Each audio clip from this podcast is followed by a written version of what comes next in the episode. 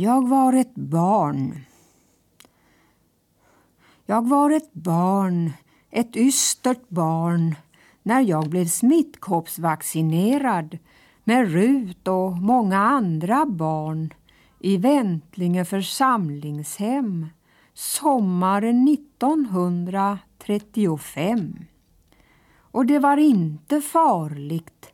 Två streck i kryss på axelknoppen som ett kattdriv av en ironiskt älskvärd, geometriskt sinnad, svartvit årskatt.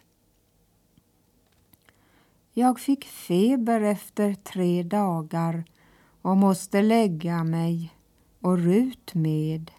Varm säng, varm om kroppen, svettig om kroppen, kliar på ryggen, varm om huvudet, svettas om pannan, gungar i huvudet, fryser om axlarna.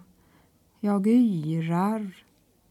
Termogenvaddens eldskakande djävul som på annonsen i husmodern far efter mig så att jag svettas och trollen i vattnet drar ner mig så att jag fryser i sjön. Mamma finns med vatten, saft, mjölk. Rut finns också. Ljus och mörker, nya lakan på kvällen.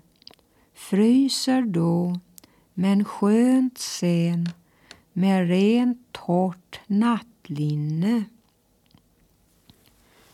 Ljus och skymning, mörk natt, gryning, ljus dag, mjölk och hönssoppa med vitt hönskött.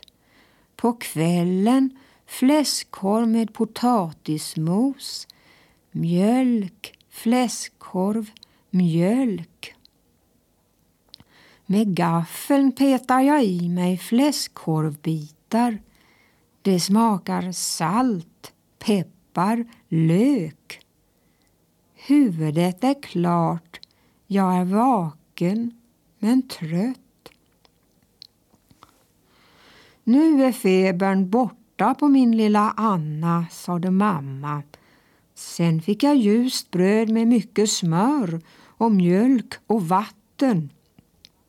Skymningen blev mörker och natt. Mamma bäddar om och stoppar om mig.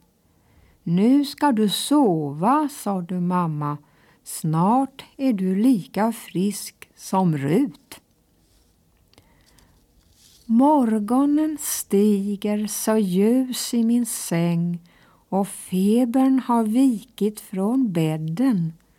Huvudet är klart, rummets föremål tydliga. Mamma går upp och klär sig med rullgardinen nedrullad. Ligg lite längre än nu. Jag far efter korna så länge. Klockan är bara halv fem, sade hon och stängde tyst kammardörren.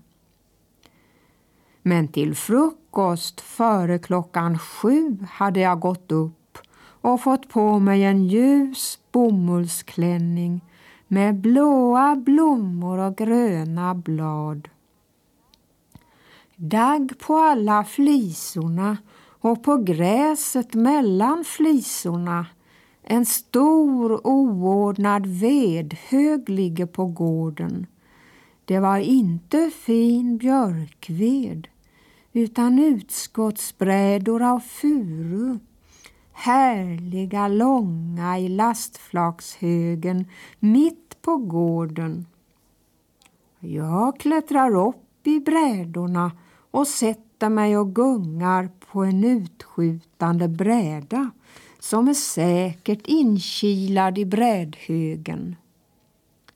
Träet strävt mot bara låret under klänningen. Gummiskorna redan våta. Gung, gung, gung i solens höga sky. Där han går upp bakom kyrkogårdsmuren. Ingen feber mer i kroppen. Huvudet lika klart som solens uppgång och jag rider på solstrålarna gränsle på min fina brädhäst så långt in i solens värme att jag sedan aldrig kunnat lämna livet, solen.